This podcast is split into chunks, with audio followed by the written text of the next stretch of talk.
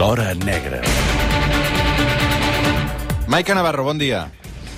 Una cosa. Sí, bon dia. Ah. Digues bon dia, primer, home. Bon dia. Bueno, doncs bon dia. Ah, vale. Més, bueno, bon dia. Digues. Eh, aquesta cunya del Carles Porta Sí. sí. és el millor que tens de tota la teva trajectòria al suplement de Catalunya Ràdio? Explica que el Carles Porta va decidir fer periodisme perquè es follava molt? Pregunto, eh? Curiositat d'oient. Digui, no hi havia res millor, o sigui, a, a l'esperit del cap de setmana, o sigui, el Sí, resum, sí, sí, sí. quan portes el suplement? Un any i mig. El, el resum I que en d'un any- siguin molts més, eh? Exacte, per molts anys, Roger. Uh, un petó, Nil, que s'està morint. El... No, morim no, un moment, un moment, un moment. M'ho has Maica, dit, o sigui, eh, arriba't i em dius, el Nil s'està morint. Bueno, collons, doncs, Un moment. un petó, El Nil Vies, el guionista que prepara amb la Maica Navarro l'Hora Negra. Aleshores el tenim malalt, eh, té unes angines o... ja està, està al llit. Bueno, vale. Per tant, no follarà. Sí, és que... No sé, jo Però què vols que- pregunto. Què vols que hi faci, Maica? O sigui, Però, a veure, aquesta cunya tu només me la creus, tu poses... creus que hem de començar així? Però aquesta cunya només me la poses a mi o quan entrevistes a la Marta Rovira també li vas posar aquesta cunya? No, però perquè saps que a les 10 comença el magazín, el suplement. Sí. Aleshores ja ens posem en una altra actitud. Ja afrontem d'una altra manera el cap de setmana a partir Ja. de les 10 del matí. Ja, és l'esperit de cap de setmana. És l'esperit de cap de setmana que... Esperit de cap de setmana. Aleshores, eh, cada, a les 10 del matí, a les 11 i a les 12, sempre sona una, una, un separador amb una Sí. falca del programa... En un altre moment de la nostra relació hagués imaginat que això era una insinuació. Ara penso que el que m'estàs dient és porto tota la setmana follant com un cabron Jo? i ara, sí, clar, i ara i t'ho trec pel car, per la cara, més o menys. Aquesta és la, aquest és el que, això és com interpreto jo que el separador sigui precisament escollir aquesta decla del Carles Porta, perquè mira que em va dir coses al Porta en aquesta entrevista. No, aquesta que em va dir és molt grossa, eh? bueno, et fa enveja. Sí. Tu per què vas escollir fer periodisme? Jo perquè m'agradava molt explicar notícies. Anda, va, tira.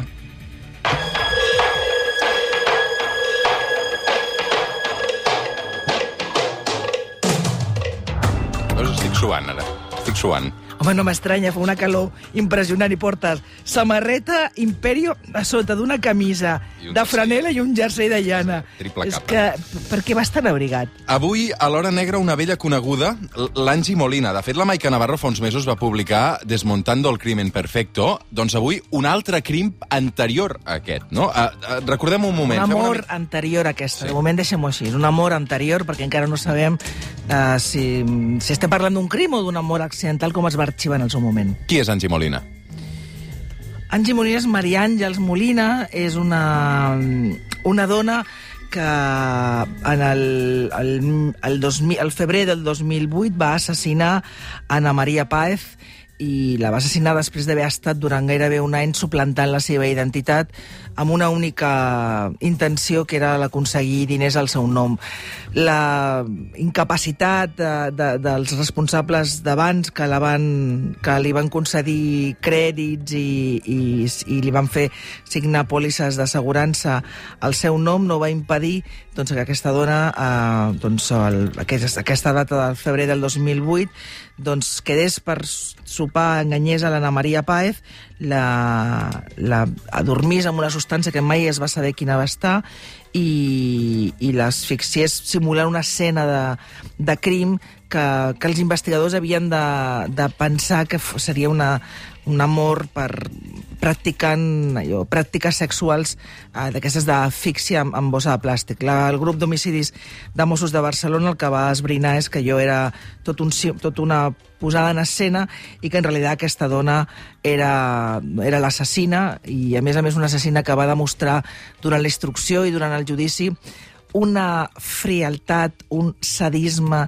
i una zero empatia amb els familiars de l'Anna Maria Paez que dies, eh, dia, avui, dia, avui dia, eh, que han passat ja uns quants anys, eh, continua posant la, la, la pell de gallina. I continua a la presó complint condemna aquesta dona ara mateix, no? Sí, va ser condemnada en una primera a 22 anys de l'Audiència de Barcelona, li va posar una condemna de 22 anys. És veritat que la- l'Angie Molina, la Maria Àngels Molina, té a dia d'avui una advocada molt i molt bona, la Carmen Gómez, i ella va aconseguir amb un recurs que aquesta pena rebaixés a 18 anys perquè eh, és cert que no van estar molt fins al, ni la policia científica en el seu moment, ni, ni l'autòpsia, ni els forenses, i mai es va poder determinar amb quina substància es va dormir eh, la víctima, Ana Maria Páez, i que això fes que ella estigués, no, no presentés cap mena de defensa per poder, doncs, d'una banda, introduir semen de dos homes diferents que l'Angie havia contactat prèviament, dos, dos, dos gigolos, amb, amb, el semen d'un li va col·locar a la boca, l'altre a la vagina, va col·locar aquesta bossa de plàstic, i és veritat que la víctima no va posar resistència i com no es va poder demostrar com s'havia, amb quina substància s'havia dormit i per tant tota la seqüència del crim no es va poder sustentar científicament, doncs el tribunal va considerar que s'havia de rebaixar la pena i va estar condemnat a 18 anys que continua a dia d'avui complint.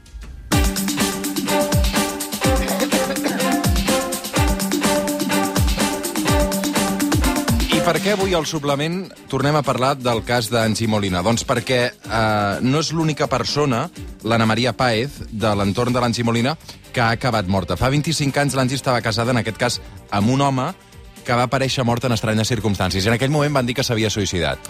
Sí, es tractava de Juan Antonio Álvarez Litven.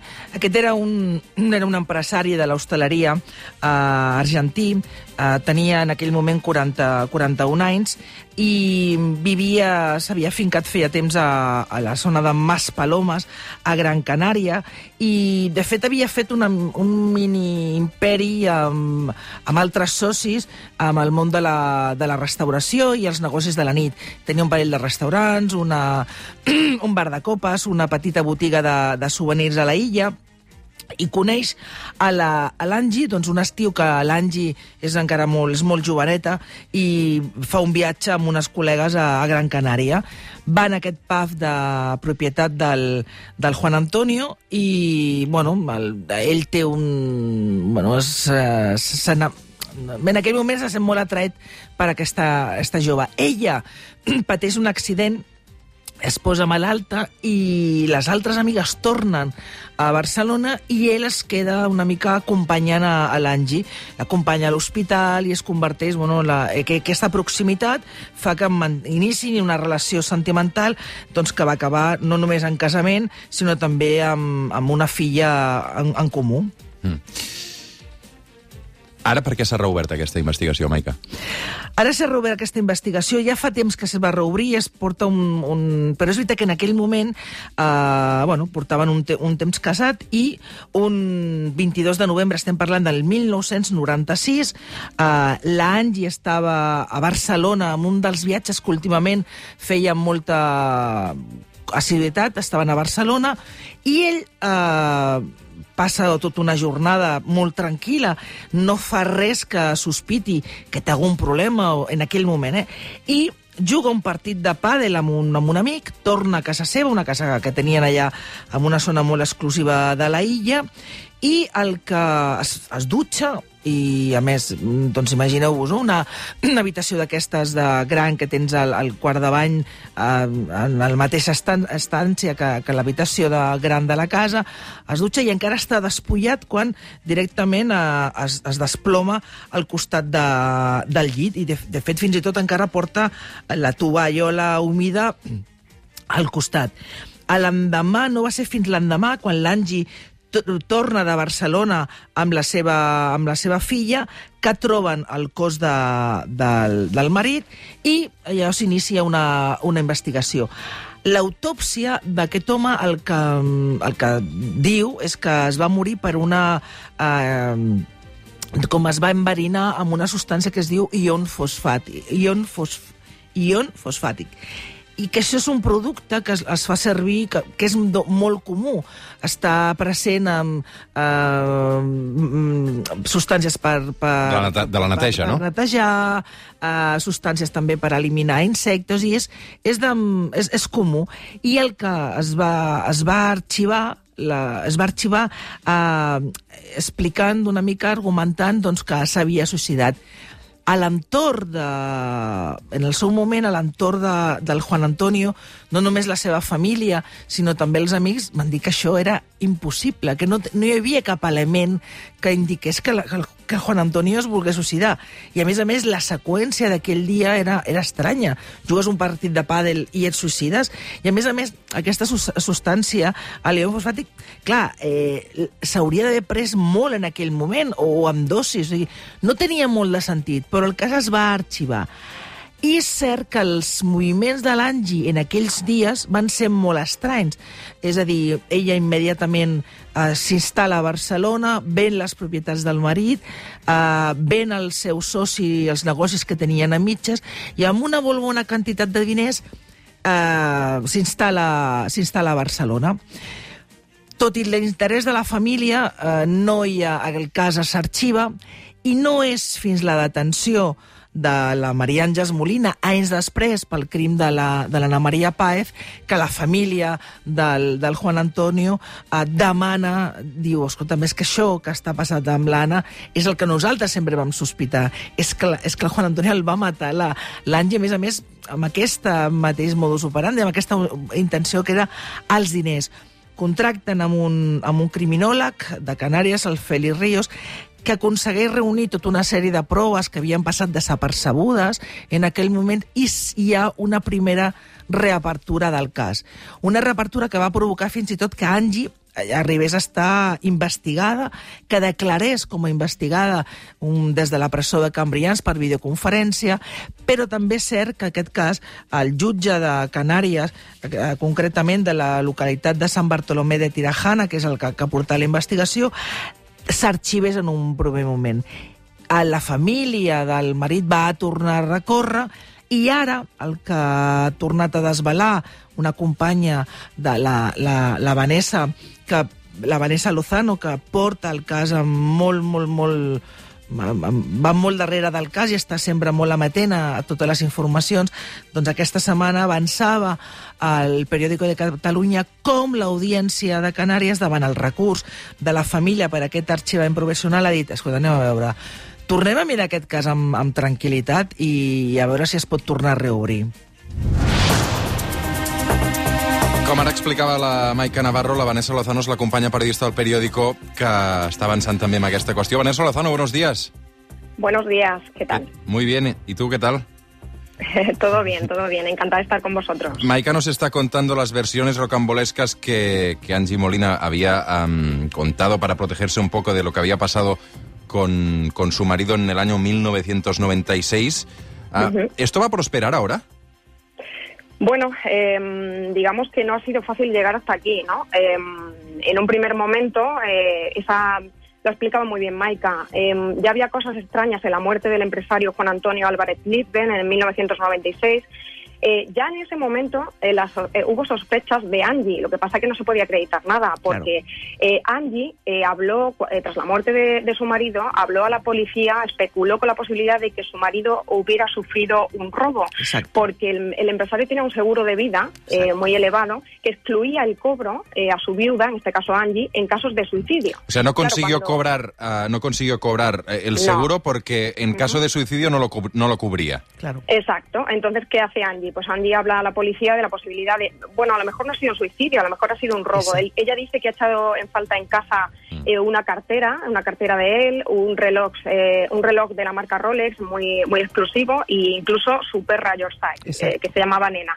Eh, cuando la policía dice que no, que es imposible, que descartan la, la hipótesis del robo, ella entonces especula con que su marido ha sufrido un accidente uh -huh. y dice que era muy despistado y que ha podido tomar, creyendo que tomaba sal de frutas, ha podido tomar calgón, un, un, producto para eliminar la cal de los de lavavajillas y uh -huh. de la lavadora, ¿no? O sea que ya ella introduce, en su momento, en 1996, ella ya introduce un dato que tiene que ver con el, con, con el obviamente no se sitúa ella en la posición de, de autora de, ningún, de la muerte, uh -huh. pero eh, un dato que tiene que ver luego con el informe, efectivamente, que lo contaba Maika, del criminólogo Félix Ríos y de su equipo, que lo que hace es, eh, eh, años después, a la luz de, del caso de Ana Páez en, en Barcelona, eh, bueno, pues se, se, mira con otros ojos, ¿no? Y se, se, piensa que ha podido ser Angie también la autora de, esa, de la muerte de su, de su primer marido. Entonces, eh, investigan, eh, toman declaración, eh, bueno, Félix Ríos y su equipo se reúne con gente del entorno de Angie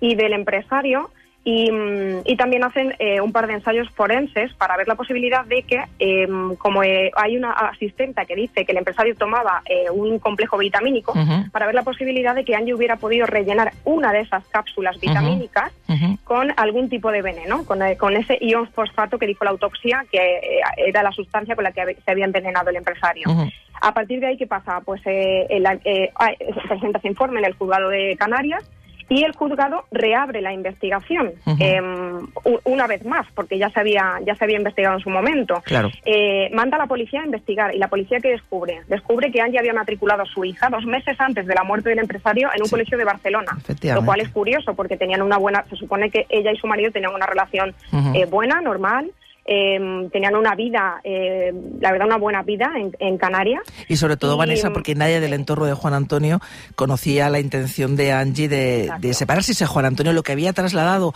a su entorno más próximo en Canàries, i així ho explica en aquest informe, aquests, aquests interrogatoris que fa, aquestes converses que té l'equip del Félix Ríos amb l'entorn de Juan Antonio, és que el que sí hi havia, i que el Juan Antonio havia explicat a la gent de la seva confiança, era que tenia sospites de que l'Àngel era infidel infidel i que, a més Exacte. a més, tenia una amant a Barcelona i que ella volia marxar de, de casa. Quan la Vanessa parlava d'aquesta cartera i, su Rolex, i el Rolex, eh, que ella, amb aquest primer intent, que jo crec que li surt malament de fer veure que, que la mort del marit ha estat un, una sala a casa i que això li implicava cobrar una bona, una bona quantitat de diners per la pòlissa d'assegurança, és que anys després, quan els Mossos d'Esquadra entren a, al pis de l'Angi un cop detinguda com a sospitosa de, de l'assassinat de la Maria Páez, hi ha un escorcoll llarguíssim, són gairebé 8 hores, eh, mirant racó per racó, perquè a més era una cosa plena d'est. Més es van trobar moltes, moltes proves. Doncs allà es troba la cartera i el, i el Rolex del marit.